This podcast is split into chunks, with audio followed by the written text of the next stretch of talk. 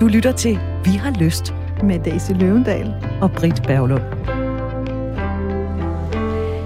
Hvordan får man orgasmer? Ja, så kort skrev en voksen kvinde til os på Instagram.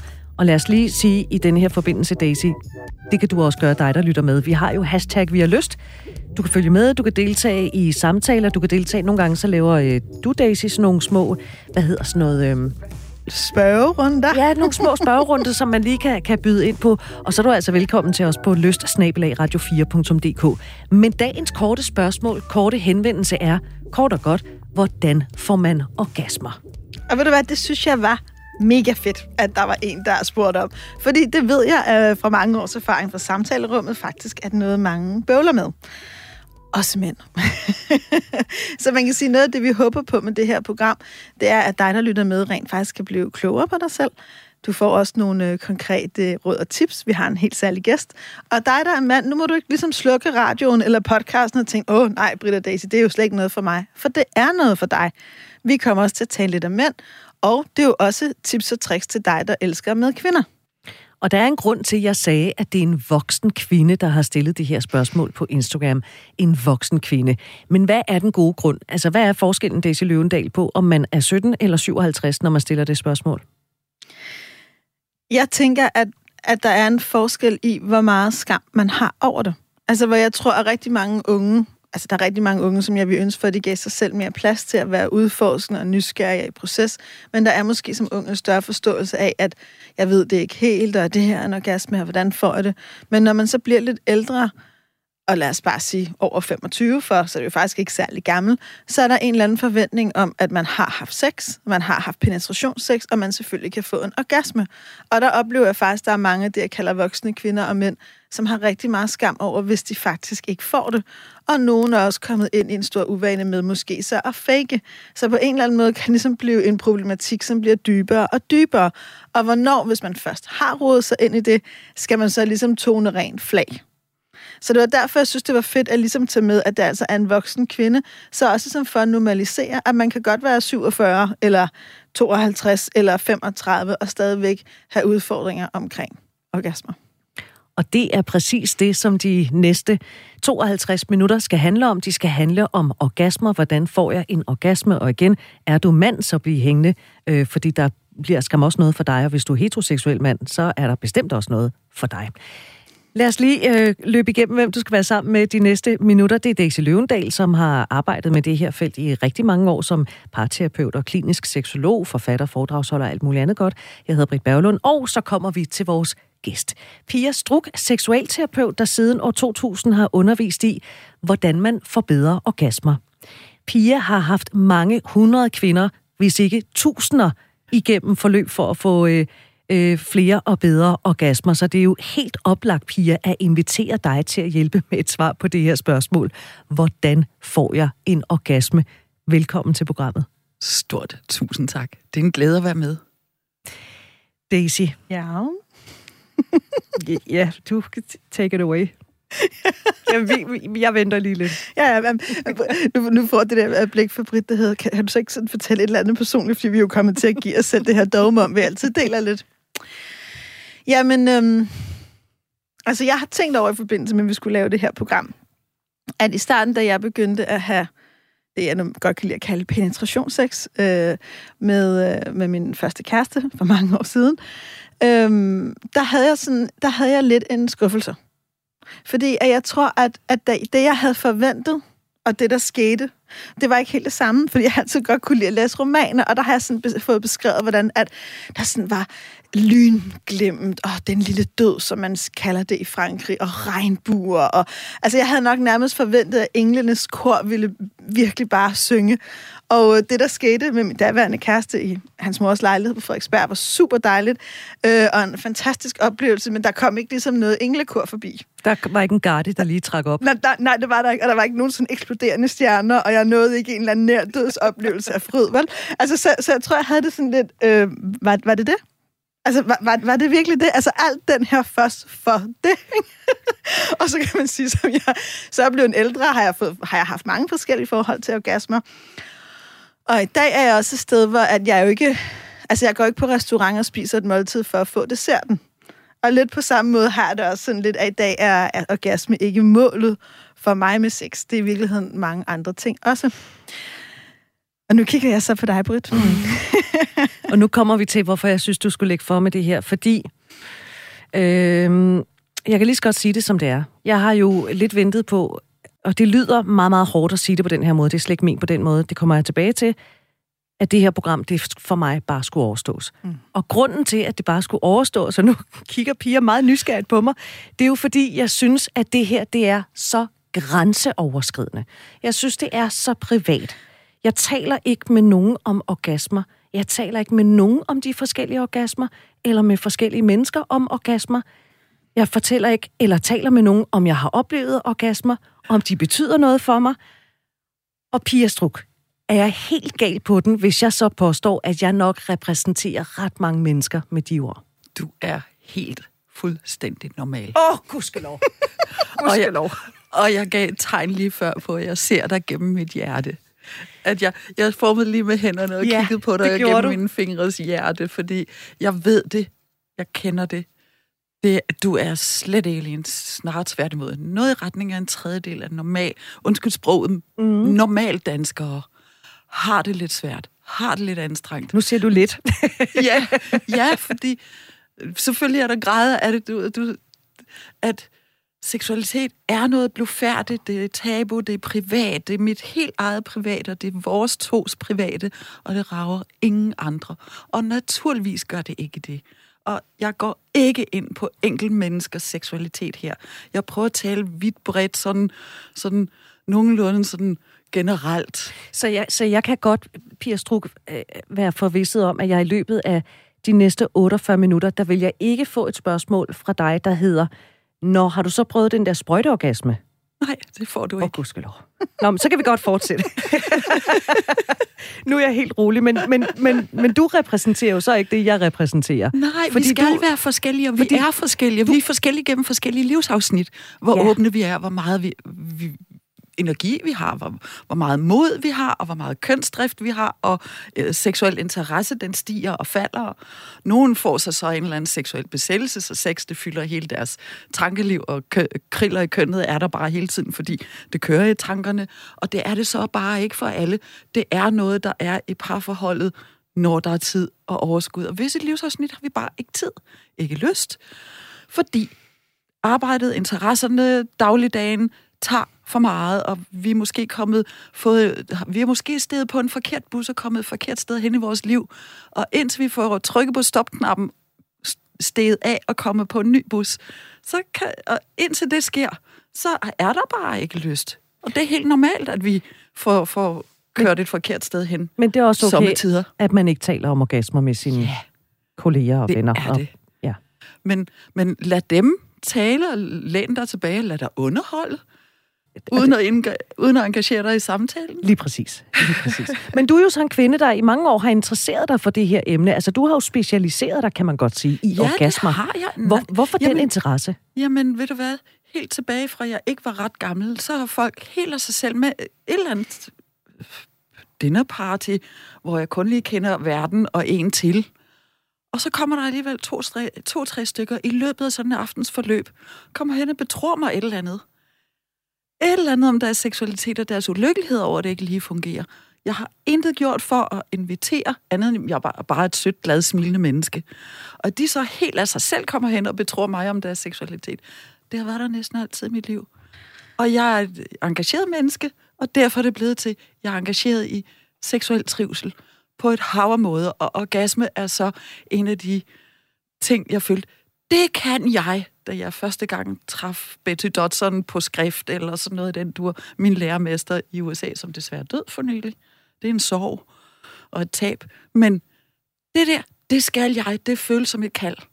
Ja, og nu synes jeg jo lige, at Pia, du er jo, udover at være seksuel vejleder, så er du også en af dem, der har hjulpet allerflest herhjemme. Du har jo ja. i mange, mange år arbejdet med det her. Du har hjulpet, 100, du har hjulpet hundredvis af kvinder. Jeg har også mødt kvinder, som har været i dine grupper og fået enormt meget hjælp. Så det er jo, så, så det fik jeg bare lyst til at understrege, for du har jo faktisk en kæmpe faglighed og ressource. Men for dem, der ikke lige øh, interesserer sig for det her felt, synes jeg lige, vi skal sætte på ord på, hvem er Betty Dodson? Min lærermester Betty Dodson var en af feminismens meget tidlige øh, frontkæmpere. Helt tilbage i de tidlige 67'ere, der var hun lige flyttet fra Kansas til New York og var uddannet kunstner på, på et af New Yorks universiteter, og der, der sagde hun, kvinder og seksualitet, det vil jeg godt hjælpe til med. Og så startede hun, første gang der var, at National Organization for Women havde en seksualitetskongres. Så kom hun på banen og sagde, at kvinder bør lære deres kønsdelsdesign design øh, at kende og værdsætte det.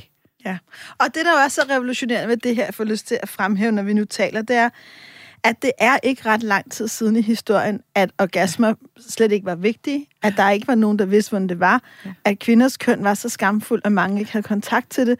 Og noget af det, Betty Dodson jo stod for, var det, den feminisme og det oprør, som handlede om, hvis vi skal være frie, så skal vi også kende os selv, og vi skal kunne nyde os selv, både mænd og kvinder. Og jeg tror, uanset hvordan man har det med, om man synes, sådan noget er interessant i dag eller ej, så meget den frihed, mange kvinder nyder i dag, det, det skal vi, altså at vi kan stå og have det her program nu, var aldrig sket uden kvinder som Betty Dodson. Fordi hvis ikke der var nogen, der var gået forrest, så havde vi ikke kunnet sidde på dansk mainstream radio og tale om orgasmer. Og det kan vi så heldigvis. Det kan vi nemlig. Mm. Det er ikke alle steder, man kan det nu til dags. Heller. Men de mange øh, hundrede eller tusinder, du har hjulpet igennem mm. de seneste over 20 år, ja. hvad er det helt konkret, du jeg hjælper med? Jeg tror faktisk, det er over 30 at jeg har været engageret i seksuel trivsel og, og højne folks trivsel omkring seksualitet. Men når det kommer til kvinder og orgasme, mm. hvordan foregår din undervisning egentlig så? Jeg har et weekendkursus, og lige nu er der ikke så meget plads, så lige nu er det kun to kvinder ad gangen. Men da jeg havde mit terapilokale herinde på Yorks Passage på Strøget, der havde jeg seks kvinder på kursus. Og det er tre gange fem timer, der startede det med, at jeg holdt en intro til at sige, seksualitet er en stor sag, og det med partnersex og onaniliv er meget mangfoldigt, og simpelthen, jeg holdt en lille pep-talk om, hvordan jeg ser tingene. Jeg behøver ikke have ret på nogen som helst vegne. Det gør jeg også hele tiden opmærksom på, og det er svært at udtrykke sig bredt nok og fagne alle, men jeg prøver på det. Så der holdt jeg først en times intro, til weekendkursus i, hvordan få endnu bedre orgasmer, og i det hele taget at få. Og dernæst, hvordan har du det med din seksualitet og dine orgasmer? Hvordan har du det med din krop og dine orgasmer, eller manglen på, eller whatever? Hvordan er de, dine livsforhold lige nu? Jeg er simpelthen nødt til at stoppe ja. der, Pia, for det, der, der, der var så se, der seks kvinder ja, og det, og det, i samme båd, og det, på en eller anden måde. Det er simpelthen det, jeg er nødt til at spørge dig om. Fortæller du mig, at det, som jeg måske som kvinde kan synes er lidt svært at tale om, det skal jeg gøre sammen med seks andre kvinder? Ikke noget skal, skal. Du må gerne vælge den Men tavse det er gruppearbejde. Eller det, det, sådan, altså, det, er gruppe... hvad, det er anerkendende, og det er rummeligt, og, og vi er bare voksne kvinder, der ønsker at få det endnu bedre. Når man arbejder i grupper, øh, og jeg har selv både faciliteret grupper, jeg har også deltaget i grupper, ikke lige dine grupper, men, men andre grupper i andre emner i livet, at det, jeg synes, det, det billede, man skal have med, det er, jeg tror, de fleste, der kommer første gang til en eller anden aften, tænker, jeg, jeg kommer bare i aften, og så går jeg, og så skal jeg ikke mere. Men rigtig mange gange er det jo lidt ligesom en stige. Så kommer man den der aften, og så tænker man, okay, det her var ikke så farligt. Ej, okay, så kommer jeg i morgen til samtalen og refleksionen, og man tænker måske, jamen, jeg kommer ikke til at sige noget, og så lige pludselig får man lyst. Og så tænker man, men jeg kommer aldrig til den del, der er hands-on arbejde, som jeg ved er en del af dine øh, kurser. Men når man så faktisk har været igennem det andet, opdager man en parathed. Så, så for dig, der lytter med, grunden til, at jeg siger det her, det er for ligesom at understrege, at det her område, ligesom andre i livet, starter måske med, at man tænker, at det vil jeg aldrig kunne. Men igen, ligesom vi har snakket om, at man opbygger mod, så opbygger man også mere plads inde i sig selv til i virkeligheden at ture mere, og føle, at noget, der måske virkede super skræmmende, er mere naturligt. Ja. Og det er anerkendende, det er stilfærdigt, jeg er fagperson, engageret, glad, ivrig, og kærlig, og vil gerne, at folk trives. Jeg fornemmer, at du er både Grænse. engageret og ivrig, og også øh, Og jeg har meget grænser. behageligt. Selvfølgelig har Og jeg du, det. og du har selvfølgelig også grænser. Absolut. Men hvem er det, der henvender sig til dig? høj som lav, ung som gammel, alle mulige typer mennesker har hver deres trivsel, de gerne vil have bedre, eller noget, de slås med selv, eller noget i parforholdet, eller netop orgasme, Mm. et eller andet, der, altså, ja, healing, empowerment. Jeg tænker også, at mange af dem, der kommer i parterapi hos mig, og der er selvfølgelig også nogle af dem, hvor vi taler rigtig meget om sex, hos, i andre forløb taler vi mindre om det. Næsten alle siger til mig, det havde jeg ikke forestillet mig. Jeg, jeg havde ikke forestillet mig, at jeg skulle betale for at tale med et fremmed menneske og få råd og vejledning om noget, der både er så privat, så intimt, og som jeg føler, jeg burde kunne finde ud af. Ja. Og, jeg, og når jeg nævner det, så er det fordi, jeg tror, at rigtig mange af os i virkeligheden ikke troede, det var os, men rigtig mange af os opdager, Gud, her er der faktisk et sted i livet, hvor jeg har brug for noget hjælp. Ja. Om det er i mit parforhold, min, mit selvforhold, mit forældreskab, min seksualitet. Men, men hvad, føler, eller hvad oplever du så, når kvinder og mænd så har været hos dig? Hvad er det så, de føler, når de har gennemgået den her proces? Hvad giver dem dem, ligesom at have måske erobret deres orgasmer og fået sat flere ord på deres seksualitet?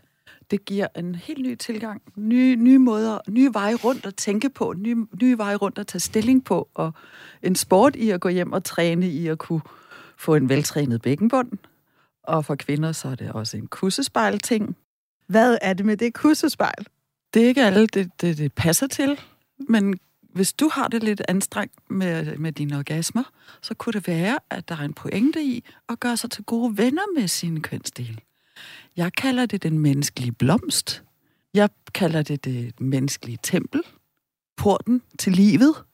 Og jo mere du kender dit design og værdsætter det, jo mere du gør dig til ven med dit kønsdels design, og får et ongoing visuelt kærlighedsforhold, så sker der noget med din orgasme, og der sker noget med din partnerseks. Både din onani og din partnerseks forandrer sig. Jeg vil have dig til at have et ongoing, lejende visuelt forhold. Så find en stol, du sidder godt i. Du kan læne dig en god lænestol eller noget af den dur. Med lidt plads til et spejl, der ikke vælter. Måske endda med øh, to gange størrelse. Du kan starte med, med, med normal størrelse, og så gå, gå ind til, til lidt forstørrelse, og en god belysning. På med brillerne, gang i et stykke papir, gang i et stykke papir, og så lave et, et, et, et kroki omrids. Og så kan du male smukke malerier ud fra det. Bagefter, jeg mener det som et kærlighedsforhold til dine kønsdele. Men, men hvorfor skal jeg kigge på min kunstdel? Hvad gør det Der er mig? ikke noget skal-skal, det er et forslag til Ja, hvis jeg gør at, det. at, at få et ægteskab mellem dig og hende. Og jeg elsker, du kalder hende hende. Det gør jeg nemlig også selv. Og Jeg synes, det er så fedt. Nu har jeg en ven i det. Yeah, vi er, Ja. Nej, vi er, altså for mig, grunden til ordet hende har været vigtigt for mig at erobre. Det er ikke, hvis det er den, så bliver det lidt frakoblet. Ja. Og jeg tror ikke, vi skal være frakoblet for vores køn. Tværtimod, Det er tror dig jeg. selv, og jo mere du kender dig selv, jo lettere er det at kunne dele dig med din partner. Præcis. Hvis du ligger og skal have sex med et dejligt menneske, og du i virkeligheden tænker, shit, jeg synes, min fisse er lidt grim. Og jeg synes også, den er blevet lidt sådan mere lilla i farven, eller den ene kønslæbe større end den anden. Og hun har, lugter hun. Altså, ikke? Ja. Hvis du har sådan nogle tanker, og det ved jeg, mange mennesker har, det har jeg selv haft en gang i mit liv, så er det jo rigtig svært at nyde og give slip og være sanselig og lege med hele pigers mixerpult. Så en del af grunden til, at vi opfordrer piger, du opfordrer, jeg har jo lært det af dig i sin tid, og jeg har læst dine ting, og synes, det var super sejt, og Betty Dodson også, det er det der med at starte med, okay, hvis jeg kan begynde at kunne lide mig selv også der, hvis jeg kan værdsætte mig selv og se det med et kærligt blik, så er det også nemmere for mig at tro, at min partner kan. Og når en partner så siger, jamen jeg synes, du er smuk, og jeg synes, du dufter dejligt, og jeg synes, du smager dejligt, så er det jo svært at tro, hvis ikke den anerkendelse et eller andet sted også kan ringe sandt ind i en selv. Folk kan jo sige til dig herfra til evigheden, at dit køn er dejligt, men hvis du virkelig ikke selv kan lide det, så kan du ikke tage imod det kompliment. Så jeg tror, det er sindssygt essentielt for at have god sex, at du kan lide og elsker og værdsætter dit eget køn. Og også det samme for mænd, for der er jo også masser af mænd, der har skam, og har det svært med deres eget køn. Ja. For dem også at lære deres penis at kende, jeg tror, de har mindst lige så meget som kvinder. Ja, men okay. de har den jo i hånden hver dag. Ja, men derfor er der jo masser, hver gang de har den i hånden, der tænker, hvad er det irriterende, at du ikke er større, eller tykkere, eller at du bøjer til venstre, eller Og der at... kan sagtens være skamfølelser fra, fra, fra opvækst, eller, Præcis. eller dårlige oplevelser i skoletid, eller hvad ved jeg. Eller man sammenligner sig med pornostjernerne, som jo blandt andet nogle gange er selekteret på grund af en usædvanlig størrelse. Altså, ja. Men det der med også, også for mænd at ligesom kunne tage deres eget køn i hånden og sige, dig, du er god. Dig kan jeg godt lide. Vi skal følges gennem livet. ja, præcis. Vi skal følges gennem livet. og vi skal have gode oplevelser sammen. Så- Ongoing kærlighedsforhold. Så det er altså værd lige at bruge tid på. Ja, det er det. Hvor tit skal man øh, øh, kigge sin bedste ven i øjnene? Altså lige nu, der vil jeg foreslå i starten, så tag lige det der med papiret og krokien, eller din makeup, når du er på, sådan kort før du er på vej i bad. Kussespejlet, den gode belysning, og så lidt makeup på kønsdelene. Bare for sjov. Makeup. Og, og ja, det skal også være lejende og glad og grinende. Piger for søren. Og så gå ud og vaske kemikalierne af, for det er usundt. Råd, du ikke havde regnet med at få i radioen. Råd, jeg ikke har regnet med at få nogen Og steder. mænd lige så, værdsæt de, de kønsdele, du har, og vid, at de kan godt forandres. Det forandres gennem livet, og der er masser af tips og tricks til, at du kan få dem lidt anderledes. Og så i det hele taget, orgasmetræning. Træne i at kunne rumme store mængder lederlighed uden at tabe den, eller flygte fra det. Og træne i at rumme og være der, og være med det i længere tid, og træne langtidsorgasmer langtidslederlighed op og koge, og lidt ned, op og koge, og lidt ned, før så endelig man, man, man, man tager sig en orgasme. Og så bruger man den orgasme til at bygge videre til næste og næste og næste orgasme. Au, det lyder som om det er Forslag. sådan det helt store Forslag. konfettirør. Altså til sidst. Altså, ja, jamen det er det også. Og, og det er netop ikke kun ét. Altså, min pointe er, en orgasme er kun kvart begyndt på hele det orgasmepotentiale, vi egentlig har. Men vi ved det jo ikke. Men hvis nu jeg lige sammenligner med et fag, lad os sige en tømrer. Hvis jeg sætter dig til at save et bræt, Ja, okay, nu, altså jeg bliver ikke en kønssyn. Jeg er ikke sådan super handy. Præcis. Og ved du hvad? Sådan er det også omkring seksualitet. Det er også noget, der kan læres. Og det er min engagement i at, at lære dig at bruge din krop lidt mere kreativt. Mm. Fysisk, motorisk og, og sensorisk og, og i det hele taget mentalt at brygge et nyt verdensbillede og sætte dig på sporet af, at der er rigtig mange måder, det kan gøres på. Og så peger jeg ud på, på en kæmpe stor buket af rigtig mange forskellige typer blomster, som du kan plukke lidt af hen ad vejen igennem de næste mange år, uden at jeg ved, hvad der er rigtigt og forkert for dig. Ever.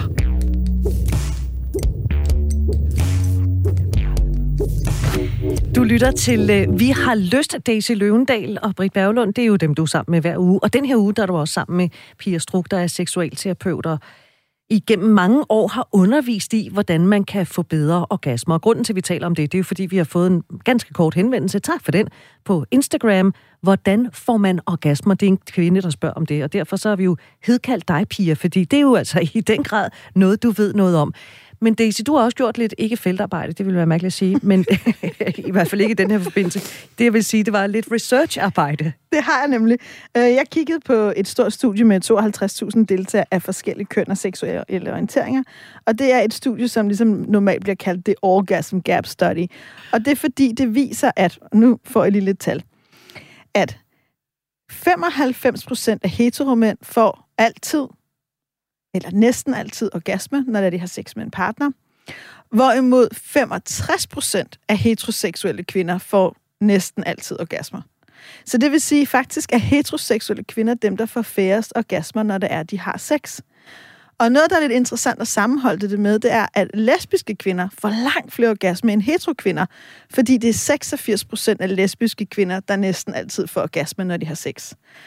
Og når der er til de der tal med, så er det ligesom for at vise, at det her er en almindelig udfordring. Der er rigtig mange kvinder, der primært har sex med mænd, som faktisk ikke får de her orgasmer. Der er også studier, der viser, at der er en del kvinder, som godt kan få dem, men mere får dem alene. Og det synes jeg faktisk er vigtigt at have det perspektiv med, fordi når det kun er 65 procent af os, der får de her orgasmer sammen med vores partner, hvis vi altså elsker øh, med mænd, så er der en stort forbedringspotentiale. Ja, det må man sige. Noget, der slår mig, når jeg hører de her tal, og når nu, at vi har fået den her henvendelse, hvordan får man orgasmer? Pia Struk, hvorfor er det så vigtigt at få den orgasme? Orgasme er orgasme er orgasme. Der er ikke noget, der hedder en forkert orgasme. Den kan være mild, eller den kan være intens, den kan være langvejt eller kortvej. Værset, det kroppen giver. Men hvorfor er den vigtig? Den er vigtig, fordi det afspænder. Det er fordi, det gør, at man kommer på plads i sin krop. Hele energisystemet bliver balanceret. Og det gør, at du trives meget bedre som dig, inde i dig, i din krop.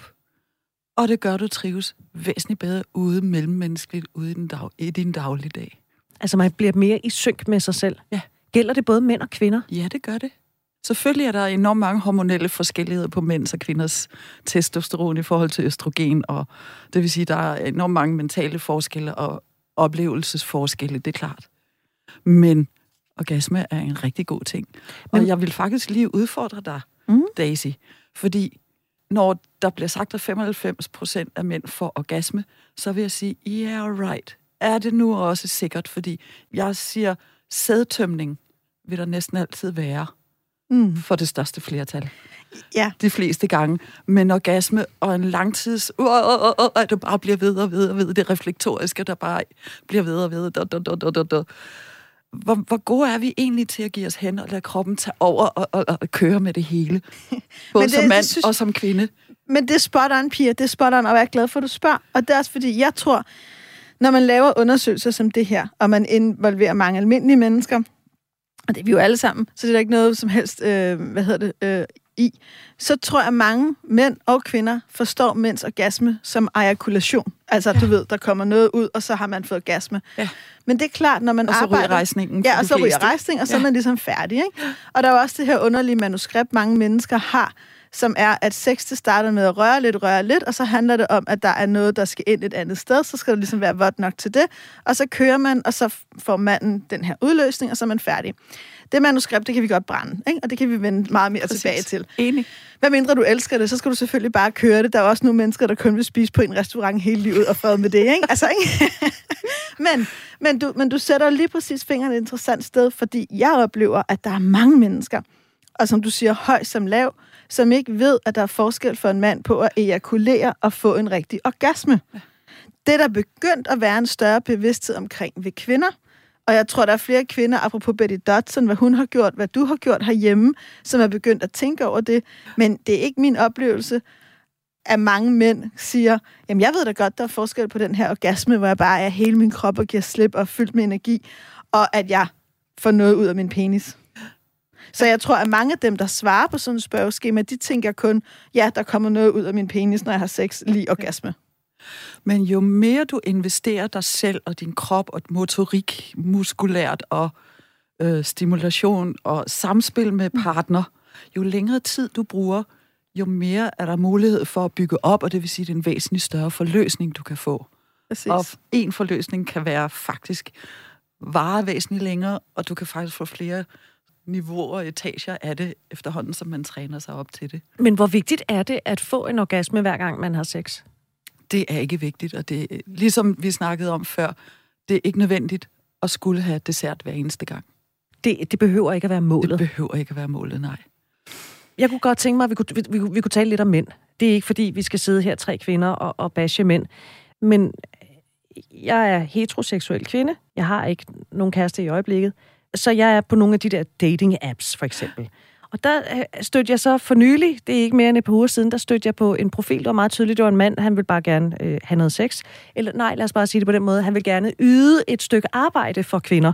Han skrev, han vil gerne tilbyde sex, og der var, jeg citerer, orgasmegaranti. Og der sidder jeg jo og bliver lidt træt i masken og tænker, måske er jeg også bare en sur gammel dame på 48 år, ikke? Men orgasmegaranti. Jeg har lige hørt dig sige, Altså, man behøver ikke at spise dessert hver gang. Nej. Orgasmegaranti. Hvad siger du til, når Jamen, man det øh, tilbyder flot. det den viser, slags? Det viser hans prioritering af at betjene hende. Mere end det hans egen, altså hans egen, der... Men han kan jo ikke bestemme, om jeg skal have orgasme. Det kan han ikke. Men hvis du ønsker det, så vil han assistere dig på et hav af forskellige måder, og i lang tid, indtil den kører for dig. Sandsynligvis. Det vil jeg gætte. Ja, og vi ved jo ikke, hvem han er. Nej, vi ved heller ikke, hvad han vil. Fordi jeg kan sagtens følge dig. Jeg synes, det er en super sympatisk udlægning. Man kan også tænke, at det for nogen kan være en følelse af pres. Fordi jeg synes også, jeg møder mange kvinder, som så føler, at så skal jeg jo kunne få orgasme, så når skal der går jeg præstation, kunne komme. Når Præcis. der går præstationsattitude i hovedet på dig, så bliver det nok din orgasme væk. Præcis. Og det er jo noget af det, jeg synes, der er interessant. Og igen, nu generaliserer vi jo helt vildt. Der er jo også nogle mænd, for hvem at det, at deres kvinde kan komme, bliver sådan en hæderskron. Yeah, I did good. Altså, du ved ikke, ja. altså, hvor det bliver ja. sådan en... Uh, og, og så vi har alle sammen virkelig- brug for bekræftelse og Ja. føler, at vi, at vi er gode til det, verdensmestre, til ja. ja. at give den anden. Og det er en svær sag med os kvinder. Vi har enormt meget psyke. Al vores tankeklima og vores syn på sager, der, der, og på os selv, og hvad vi bør kunne og ikke kunne, og så videre, som er en, et benspænd uden lige. Præcis. Og det går også en anden vej, lige så vel mm. som jeg oplever også, at kvinder har det meget svært med, hvis manden ikke har rejsning eller ikke får orgasme, så den går begge veje.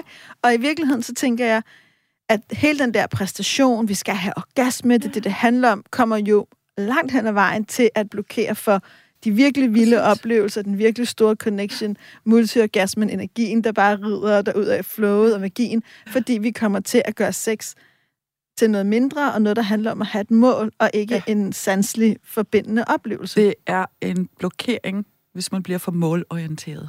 Så det er bedst bare at tage, sætte pris på alle de nydelser, der er i samspillet. Hvordan ved man, om en orgasme er en orgasme? Der er en million forskellige måder, orgasme kan udtrykke sig på. Og du vil føle et højdepunkt, hvor kroppen kører øhm, både af energi, der bølger igennem dig. For de fleste er der også noget de reflektoriske ding, ding, ding, ding, ding, refleks sammentrækninger i underlivet. Det er ikke altid, det er der. Det kan, orgasme kan udtrykke sig på vildt mange måder. Og, men den der reflektoriske er den, de fleste kender. Og jeg vil gerne lige sige, at der er forskel på en onaniorgasme og på en partnersexorgasme. De orgasmer, du har alene, og ofte desværre rigtig mange kvinder, er blevet vibratorpiger. og den type orgasme er altså anderledes end den, du kan få med partner og uden legetøj. Og hvordan er de anderledes? Vil du sætte nogle ord på Jamen, det? når du er alene, så er det kun dig, der sætter scenen ind i dit hoved. Og det er kun dig til, til at bygge den op. Og det er kun dig til at opleve den. Der er ikke noget til at distrahere dig andre steder på din krop, end lige præcis i understillet. Og onaniorgasmer er og vil altid per definition være forskellige fra en partnersexorgasme. Fordi det i virkeligheden kræver noget mere intimitet. Præcis. Altså, en partnersexorgasme vil altid være anderledes, fordi der er mange flere berøringer her og der alle vejen på din krop. Og samspillet gør, at du er distraheret på en anderledes måde. Og det vil sige, at den vil altid være anderledes. Den vil altid udtrykke sig anderledes, end dem, du får alene. Ja, der er jo både Og så har jeg en pointe, der hedder, det du træner din kønsdel i, er det, det bliver gået til. Og Jeg bruger lige vibratorpigen. Hvis hun er vant til, at orgasme det er noget, man får ved- med vibrator, og sådan er mine orgasmer, så er det ikke rigtige orgasmer, de reaktioner, kroppen så leverer i partnersexen. Og så bliver hun skuffet. Partnersex er dumt, og der er noget galt med mig. Vil der ej.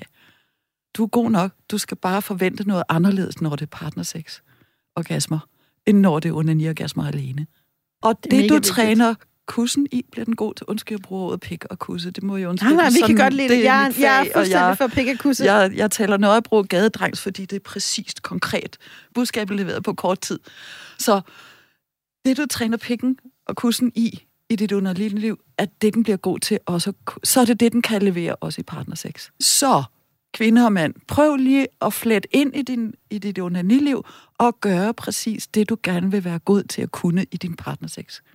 Det synes jeg er en mega god Så flet ind, at du samtidig simpelthen har partnersex alene for egen hånd og, og bevægelse, og egen motorik Mm. og psyke. Jeg synes, det er en sindssygt god skældning, det der med onani-orgasmer og partner, fordi ligesom vi snakkede om, at det er en rigtig god måde at sige det på, at partneren kan forstyrre, så kan partneren jo også berige og føre nogle andre steder hen, og der sker noget, der er mere uvist. Ja, præcis. Og det handler jo rigtig meget om, også for dig, der lytter med og gerne vil blive klogere på orgasmer, der er jo en del af det, der også handler om at kunne give slip. Ja. Og være til stede. Hengivelse. Hengivelse. Noget, vi har talt om før i det her program. Mærke sig selv. Være i nær kontakt med en anden. Vær tryg. Være tryg, kunne stå ved sine grænser og sine lyster. Og det sted er jo også et sted, vi tit skal træne. Altså, der er jo både noget, for eksempel, når, når man arbejder med, hvis man nu som menneske ønsker, som mand for eksempel, at arbejde med at kunne skille orgasmen fra ejakulationen, Ja. så er det jo både noget, man kan træne selv. Der er en masse gode teknikker. En af dem hedder start- og stop-teknik, som handler om, at man tager sig selv næsten til. Ejakulationen stopper, prøver at blive liderligheden, giver sig selv en pause, kører der op igen, for ligesom at lære at være i det der meget liderlige stille plateau, hedder det på fagsprog, uden at få ejakulationen. Men det er også noget at øve det sammen med en partner, der sker noget andet, for pludselig har du en, der måske bevæger dig. Så det der med, nej, nej, nej, nej, stop, eller lære den der, okay, nu skal jeg lige hjælpe dig med at blive det her sted, hvor du så kan mærke, hvordan er det der sted, lige før du normalt eksploderer. Ja. Og det kræver jo meget intim kommunikation faktisk, mens man har sex og er ophidset, at ligesom kunne hjælpe hinanden til at blive på nogle plateauer. Ja. Lige så vel som en mand med hans krop, med hans nærvær, med hans pik, kan hjælpe en kvinde til at blive der, hvor hun er super ophidset, uden så at ligesom give den den sidste, Præcis. men bare blive der, blive der, opleve det, opleve det, træk vejret. Altså sådan helt den der også bare enkle nøgle, som vi gerne vil dele i dag, der er i at trække vejret. Hvilket bringer mig til min pigers mixerpult. Pias mixerpult. Den, den er jeg altså lidt spændt på at stifte bekendtskab med, kan jeg godt mærke. Det er, ja, Se, en mixerpult, med, som lydingeniørerne, øh, the sound engineer, oppe bag en koncert. Han sidder deroppe, han styrer mikrofon, sanger 1, 2, 3, 4, 5, og musikinstrument 1, 2, 3, 4, 5, 6, 7, 8, 9, 10-agtig. Og så er det, han skruer op og ned for de her, og der er måske 10-15 centimeters kø- med de der skydeknapper. og det hele går op i en højere Og enhed. nu flytter vi de der ledninger fra ikke at være sanger og instrumenter, men over til dig og dig og din krop. Og så skruer vi op og ned for knibøvelser, hoftevip, lydstyrke, lys og dyb stemme, ord og vokaler og sjove dyrelyde. Og så til, til stimulation rundt om fysisk på din krop, klitstimulation, skedestimulation, og det kunne også være pik og nosse og anusstimulation, og tilføj selv mere, nemlig at dine virkemidler, også mentalt, de der sjove fantasier, vi, eller de der sjove samspil, vi har også, og så videre, ved at skrue op og ned for dem. Og hver seksuelle akt har sin egen tidslinje, og så nu for, at det, der bliver skruet op og ned forskelligt. Det må maks være ens 20 sekunder. Så skal det hele tiden, for ellers så begynder sindet, og, og, og så, ryger vi op i, så ryger vi op i snakkemaskinen, så er vi ikke ordentligt til stede. Vi er kvinder, sædvanligvis. Så Mm. derfor skal det hele tiden varieres lidt på knibøvelser, hoftevip, lydstyrke, lys og dyb stemme, ord, vokaler, sjov meget, øh, og klit, bryster, øh, Alt. pik, Men det kræver da ret anus. meget koncentration. Ja, det gør det. Men øvelse gør mester, og det gør, at du bliver i stand til at kunne køre det meget længere højere op i større mængder liderlighed, og få det til at vare meget, meget længere i tid, og variere på det hele tiden, sådan så du kan blive ved med at hænge der. Jeg tror, at trin nummer et i det, det er, at jeg elsker Piers Mixerpult. Det er i virkeligheden at forstå, ah, jeg har flere instrumenter, end jeg måske tror. Præcis. Altså, så måske, jeg kan Præcis. Helt ærligt sige, jeg var næsten 40 år, før jeg opdagede lyd. Ja. Jeg har altid været sådan lidt... Øhm, ja, jeg siger, har boet sammen med mennesker, jeg er super privat, lyd skru ned. Så fik jeg børn. Så skulle der slet ikke komme nogen lyd ud, vel? Altså, så jeg var næsten 40 år, før at jeg i mit eget liv begyndte at opdage lyd. Ej, lyd kan meget. Lyd er jo mange ting. ja, det er. Lyd er jo både sårbar lyd, vrede lyd, sanselig lyd, og når du bruger lyd, sker der også noget med din vejrtrækning. Så Lyd forskellige skaber lyde. vibrationer der med i at, at lege med energiniveauet. Ja, præcis. Det gør det også. Energivibrationer. Så man kan sige, step nummer et er i virkeligheden at tage en af de her instrumenter. Lydstyrke, det Ja. er viske, tale, råbe og opera. I pigers, i pigers sprog, bare for at forbyde det meget kort. Jamen præcis, jeg elsker det. Så er det måske hver en at kende. Altså, jeg kan selv sige, og jeg deler tag det for, at dig, der lytter med, og skal tænke, okay, mere kompliceret er det ikke, og have et håb, du kan også starte et andet sted. Men hvad sker der, hvis jeg begynder at tage lyd ind i mit liv, ind i mit sexliv? Hvad sker der, hvis jeg prøver at udfordre min egen lyd? Hvis man har en lyd, hvad den end er, hvor tit har man så turde være lidt grim? Eller være lidt sårbar, eller være lidt højere, eller være lidt lavere. Altså, det gør jo noget ved kroppen, det gør noget ved relationen. Så det er ligesom en vigtig nøgle, den kan man starte med. Så er der en nøgle, som jeg også hørte, du nævnte her, som er bevægelse. Ja. Du sagde blandt andet hoftevip. Kan du ikke prøve Ja. at fortælle sådan helt basic, hvad er det? Hoftevip er en meget kortvarig måde at beskrive varierede måder at lave samlejebevægelser på. Mm. Alene eller med partner, og i samleje eller i fingerstimulation hos hinanden. Mm. Det at lave de muskelbevægelser, som jeg kalder det stående mandebold. De bevægelser, en stående mand i samleje gør. Prøv lige at se. Åh oh, ja. Oh, oh. Altså sætter, sætter drøn på sit fremstød. Prøv du at gøre det liggende. Sæt drøn på. La, lav samlejebevægelser, som han ville gøre stående. Det gør du liggende. Hvor du sådan virkelig spænder, når du støder frem og, og spænder af, når du og sætter åndedrættet på. Uh, oh, oh, ja, oh, mm. Altså netop at, at, at lave det variabelt, men at, at du bruger din krop og sætter det... Altså det er faktisk en slags energidans, du kan lave selv, eller assisteret af partner per hånd eller i samleje. Jeg kan næsten fornemme, hvordan den der mixerpult, den lidt giver sig selv. Ja, kan du ikke? Fordi hvis man, hvis man bare havde altså, knapperne indstillet på det samme i 8 minutter, så ville det måske gå ind og blive sådan lidt småkedeligt, eller er det bare mig? nej, nej, det er det. Men jeg tror, det, men, det, men jeg tror, der er mange mennesker, kommer til at indstille deres mixerpult et eller andet sted, som de tænker, det her fungerer. Det virker. Ja. Det virker, og jeg kan få en Men det gør det så vanligvis 20 sekunder ad gangen for en kvinde, fordi så begynder hendes snakkemaskine at vurdere på det. Eller han tænker garanteret sådan om mig og den her lyd, eller...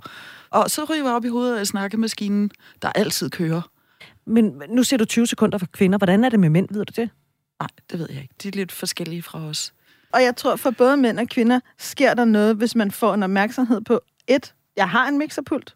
Jeg har forskellige knapper, jeg kan trykke på. Lære hver enkelt knap at kende ja. med sig selv, med sin partner. Begynder at være bevidst om, hvordan man mixer. Fordi rigtig mange mennesker har seksuelle vaner. Ligesom vi har vaner om alt muligt andet, så har vi også vaner om det. Der er ikke noget galt med at have vaner, men tilføj lidt flere variationer efterhånden, som, som I sammen kan finde på noget mere nyt. Og på den måde oplever du højst sandsynligt også, hvis du går i gang med Pias mixerpult, også at få anderledes orgasmer. Også for ikke at bruge et ord, som er så, som, så ladet. Det behøver ikke at være større eller bedre, men anderledes orgasmer. Hvad sker ja. der, hvis din orgasme kommer meget mere fra lyd og bevægelse? Hvad sker der, hvis du roterer din hofte anderledes? Hvad sker der, hvis... Altså, hvad end det er, som, som føles rigtigt for dig? Ja. Det sagde Daisy Løvendal, jeg hedder Britt Berglund, og vi har besøg af Pia Struk. Og det vi taler om, det er, øh, hvordan får man orgasmer? Det spørgsmål har vi nemlig fået. Det er en voksen kvinde, der har øh, stillet det spørgsmål på Instagram under hashtagget Vi har lyst. Du er også velkommen til at følge med der. Du kan også skrive mail til os, lyst radio4.dk. Vi har været omkring Bias mixerpult. Øh, det kan jeg sgu meget godt lide, det der udtryk i virkeligheden. Er der nogle knapper, som vi mangler at berøre på mixerpulten? Man, altså, kan jo, man kan jo have lige så mange udgange, man vil have. Ikke? Vi er så forskellige undervejs ja. i vores liv, og med en partner, der er den en ting, der er på banen, og med en anden partner er det noget helt andet efterhånden. Som. Men jeg starter med knibeøvelse, det med at bruge sin bækkenbund og hoftevip, samlejebevægelse, muskelspændinger, som om det var en stående mandebold. Mm. Forslag. Og igen, det var, jeg, jeg mener det som noget variabelt. Og så lyd, lys og dyb stemme, ord og vokaler og sjove dyrelyd, viske, råbe, tage, altså de der, jeg viske, tale, råbe og helt op i opera. Uh! Hvad er det med de der dyrelyde? Dem forstår jeg simpelthen ikke. Jamen, samtidig kommer man derhen, hvor man er et helt andet sted, end hvor man har ord. Man har ikke længere ord. Mm, og det vil sige, det kommer måde. på indimellem sådan midt i et godt samleje, så kan det lyde som en helt høne. Og jeg kender der mange mænd, der har de sjoveste øh, grønte eller brøle eller sådan noget ja, det er undervejs i høj liderlighed. Der kommer nogle sjove lyde, når man rører et andet sted hen i hjernen, end hvor kontrolcentret er til. Og, hvor vi og er, det er troværdigt at komme derhen. Ja, og hvor faktisk. vi rent sagt er skide lige glade med, ja, hvordan præcis. vi lyder. Hørt, præcis. Må jeg ikke lige... Der var en ting, jeg godt kunne tænke mig, vi talte om. Fordi øh, orgasmer. Mm-hmm. En orgasme er ikke bare en orgasme, Daisy. Nej, en der... orgasme er ikke bare en orgasme. Der er jo mange former for orgasmer, der, der man taler om klitorisorgasmer, G-punktsorgasmer, A-punktsorgasmer, sprøjteorgasmer, multiorgasmer, breastgasmer, energiorgasmer. Så kan man også diskutere, er det overhovedet meningsfuldt? Altså, man kan sige, at klitoris er et ret stort organ. Størstedelen af det for kvinder er indvendigt. Det er ikke kun den der øh, lille ært, som nogen siger, man kan se udefra. Så hvis man nu føler, at en orgasme kommer et andet sted fra, er det så ikke stadigvæk bare en klitorisorgasme? Måske.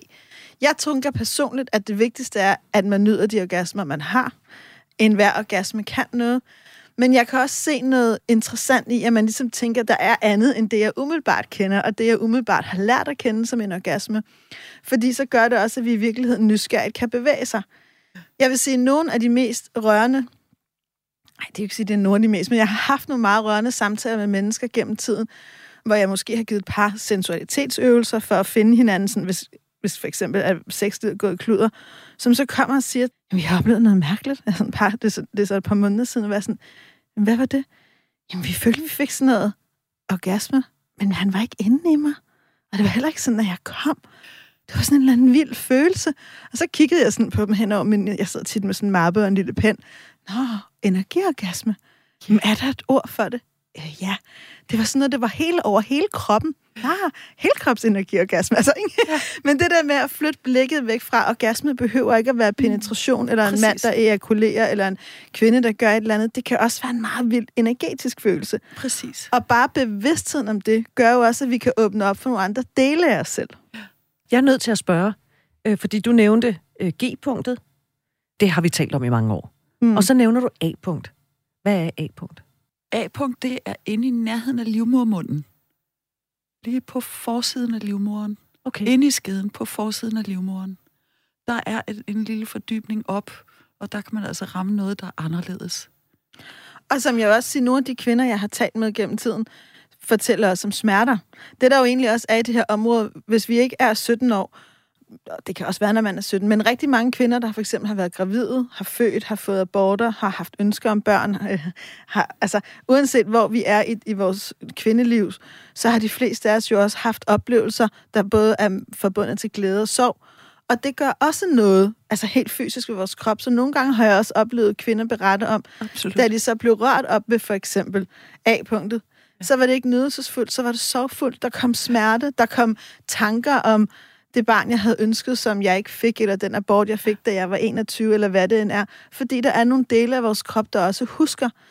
Og det er jo det, der er så transformerende og vildt ved den seksuelle kraft, det er, at den på en eller anden måde kan bringe os tilbage til andre dele af vores liv og, og andre tider og hjælpe os med at forløse.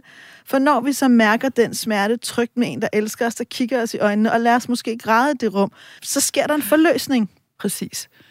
Samtidig så vil kroppen, når den får kærlighed, så vil den gerne løsne noget af det, den har holdt på alt for længe. Og det er en god idé at lade den. Lad den græde, lad den reagere, lad den rase over de gamle overgreb eller skuffelser eller øh, hårslag, som livet har givet på seksualiteten, altså på underlivet, på kroppen. Vi skal ikke stride imod. Vi skal ikke stride imod. Græd det, ras det, tæv en pude, råb og skrig, øh, kløng, græd vin, 20 minutter max for ellers så, så koger man suppe, og så bliver det usundt.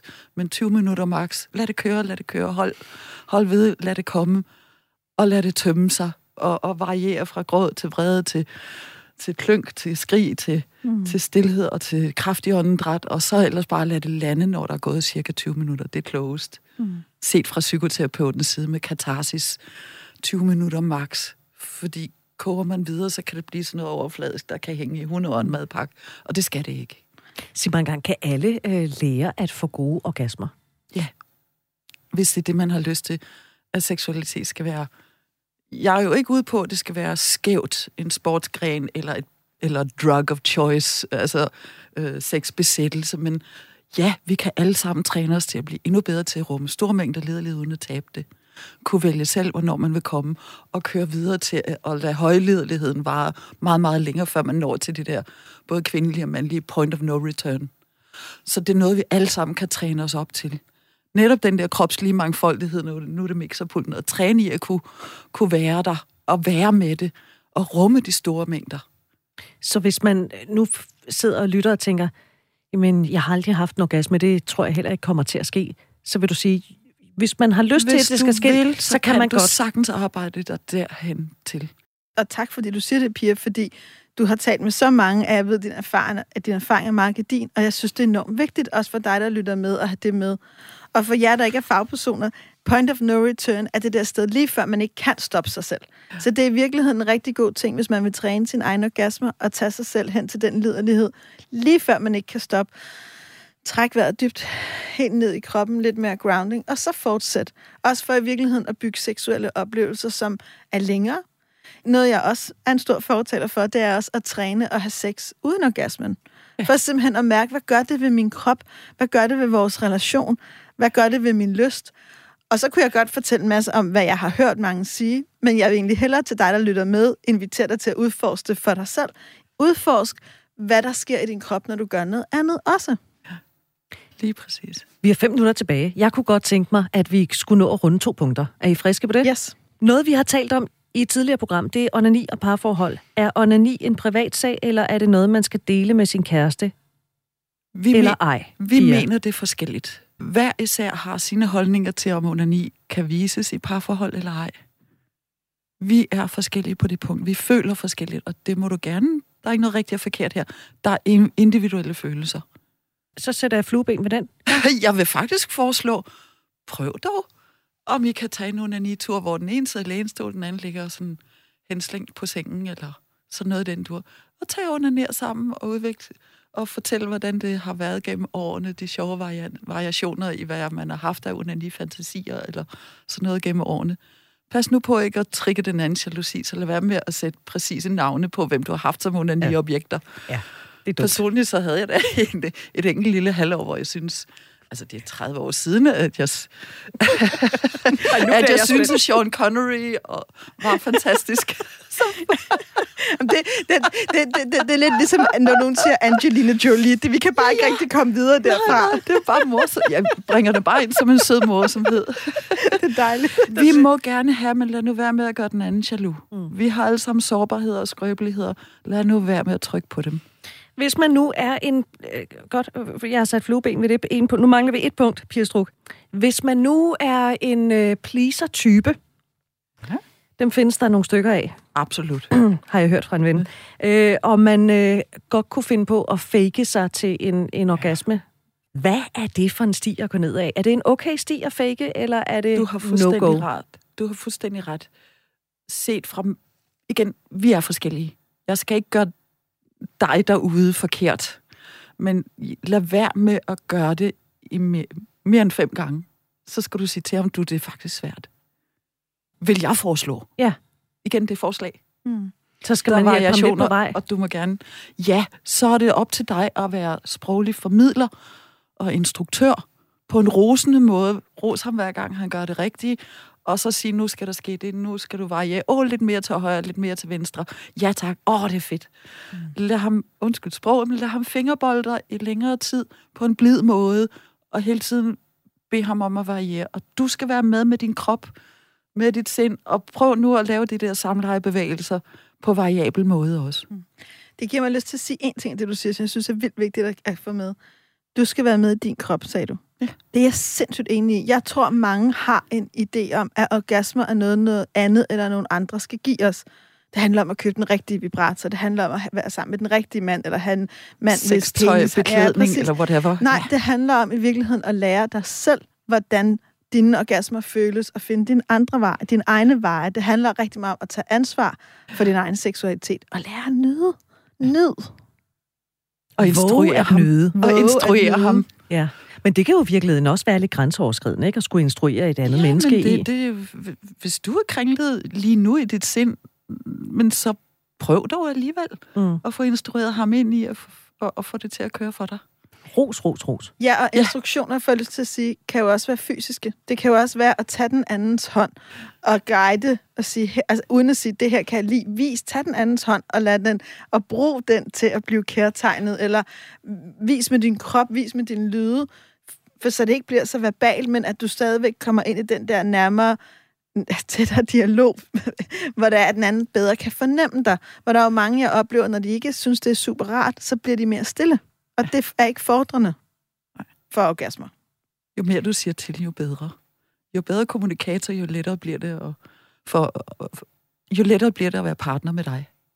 Det synes jeg er nogle vanvittigt gode råd, I, I begge to kom med her til sidst, fordi vi er faktisk nået til vejs ende. Jeg havde jo groet for det her, jeg må sige, det gik jo overalt for For sådan en som mig, som synes, det er lidt øh, angstprovokerende at tale om det her meget grænseoverskridende. Men, er du øh, klar, at du har været rigtig meget med og stillet gode spørgsmål og haft gode pointer. Pia Struk, du er simpelthen så sød, at du siger det. på dig. Tusind tak, fordi du vil komme og berige os med, med meget af din viden øh, som seksualterapeut og de mange år, du har arbejdet både med, med mænd og kvinder. Og det var fordi, vi har fået spørgsmålet, hvordan får man orgasmer? Det har vi fået på Instagram under hashtagget Vi har lyst. Du kan også stille spørgsmål, eller skriv til os lyst radio4.dk. Og vi sørger for, selvfølgelig for, at du er anonym. Altså, vi ser jo ikke, hvem du er. Nej, selvfølgelig ikke. Du er 100% anonym. Det er kun mig og Britt, der ligesom kender dit navn på din mailadresse. Ja, og, og hvad jeg ved om mine dem, der har været forbi mig, det kommer heller aldrig videre. Og sådan er det bare. Sådan skal det også være. Vi håber, du har lyst til at lytte med øh, næste gang. Og husk nu, at der kommer en Vi har lyst til mere. Den kommer allerede tirsdag i dit podcast feed. Og så har vi bare tilbage at sige, at programmet her, det produceres for Radio 4 af Only Human Media.